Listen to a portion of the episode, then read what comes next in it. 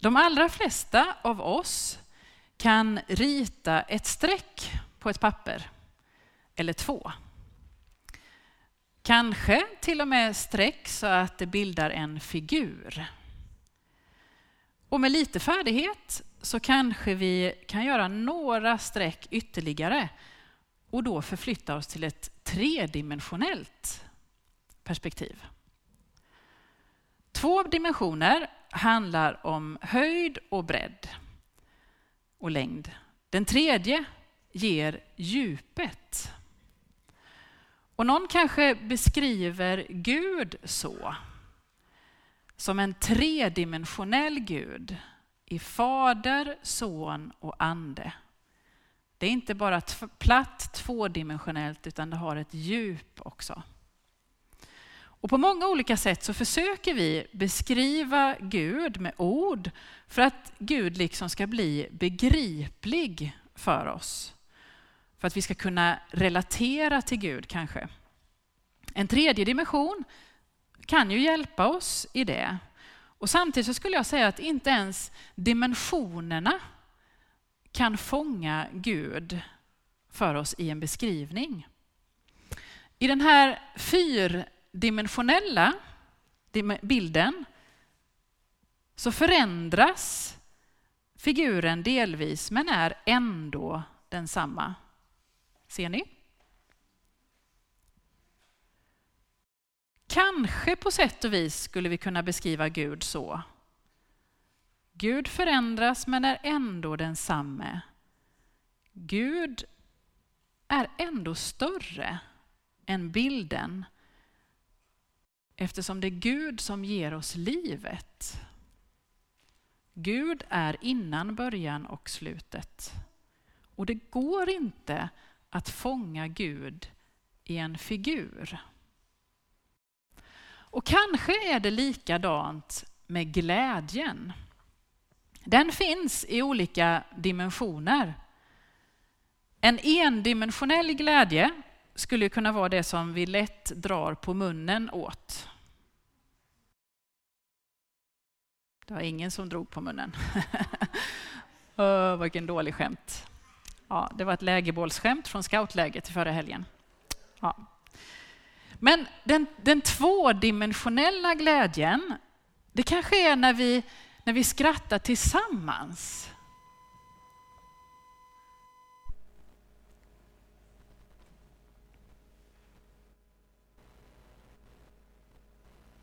Vi ska få ljud också.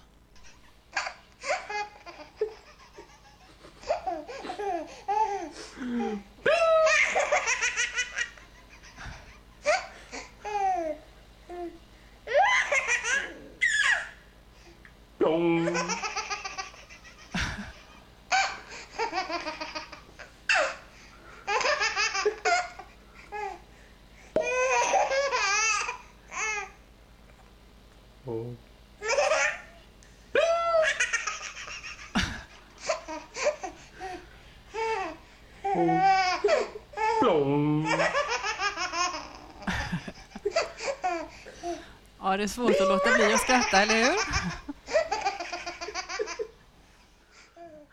Ja, man kan titta på det om man behöver sig ett gott skratt någon gång, för det är svårt att låta bli att skratta. Det skulle kunna vara en tvådimensionell glädje när vi skrattar tillsammans med någon. Och så kanske det finns den tredimensionella glädjen och vi skulle kunna kalla det för lycka. När man bara känner att åh, här vill jag vara. Jag tänker mig att en himmelsk glädje sträcker sig större, längre, djupare ändå. I Bibeln så används ett ord som är salighet eller salig. Och jag tror att det kanske är det som skulle kunna vara himmelsk glädje. Och då närmar vi oss den största glädjen som kan finnas. I salig så bor räddad, att få komma hem, att få vara välsignad. Och det är inte bara en känsla Utan det är ett tillstånd av fullkomlig, kanske fullkomlighet som jag tror bara finns hos Gud eller i Gud. Är det någon av er som har snuddat vid salig någon gång? Jag har gjort det. Någon mer som har snuddat vid salig? Ja, någon till? Mm. Under våren här i kyrkan så har vi återkommande gånger kommit tillbaka till de stora orden i den kristna tron. Och när jag har försökt förstå dimensionerna i de här orden så tycker jag mig förstå att de inte alls är det som vi får till oss från andra håll. Där det handlar om att vi ska få våra behov tillgodosedda. Jag ska få det jag vill ha, jag ska bli given det jag önskar och jag ska kunna göra det jag vill.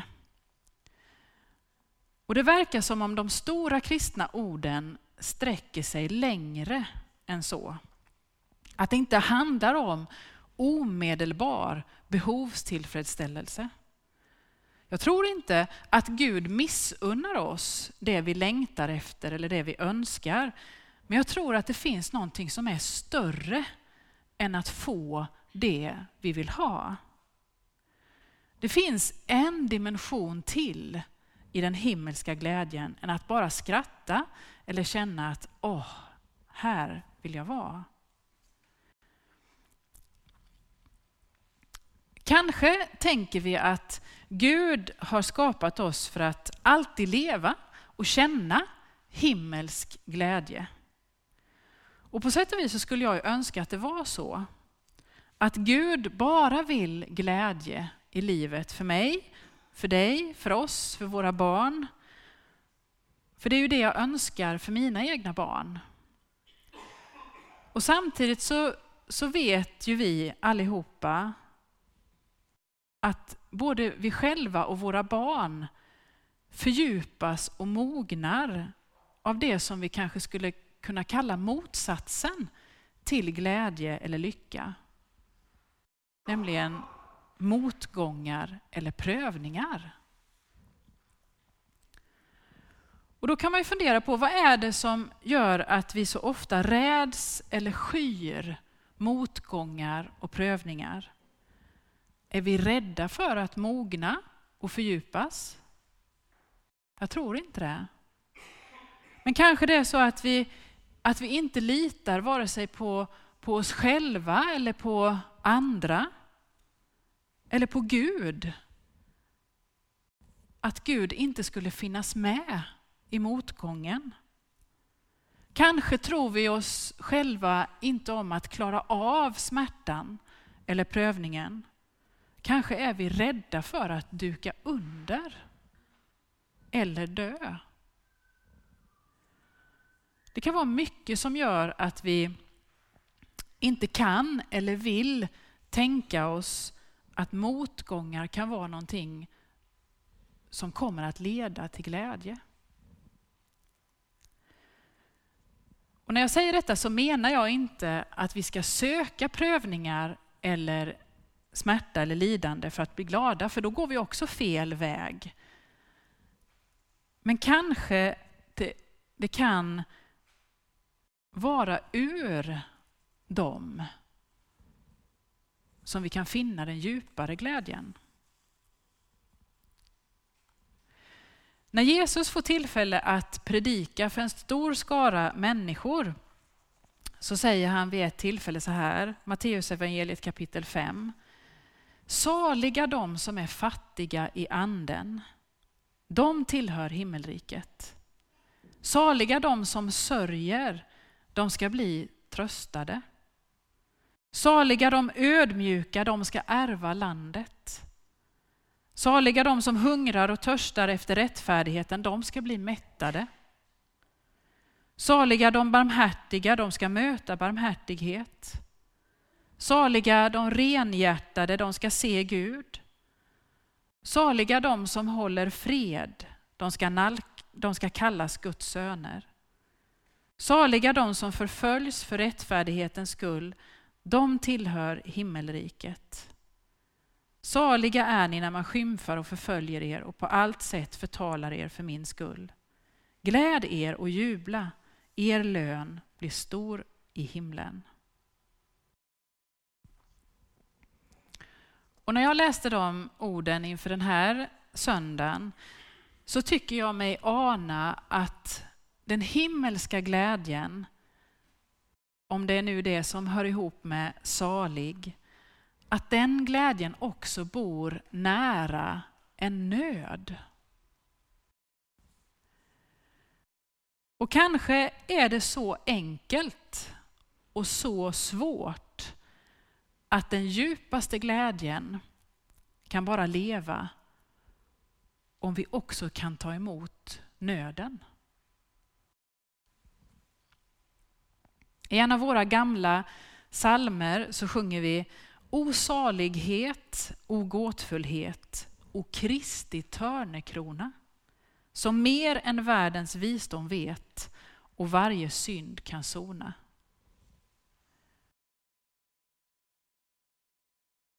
Smärtan och glädjen liksom finns där tillsammans. Jesus sökte inte smärtan, också han bad ju om att få slippa den. Men när den kom så tog han emot den och kanske han visste och anade att den skulle leda till någonting större, en glädje.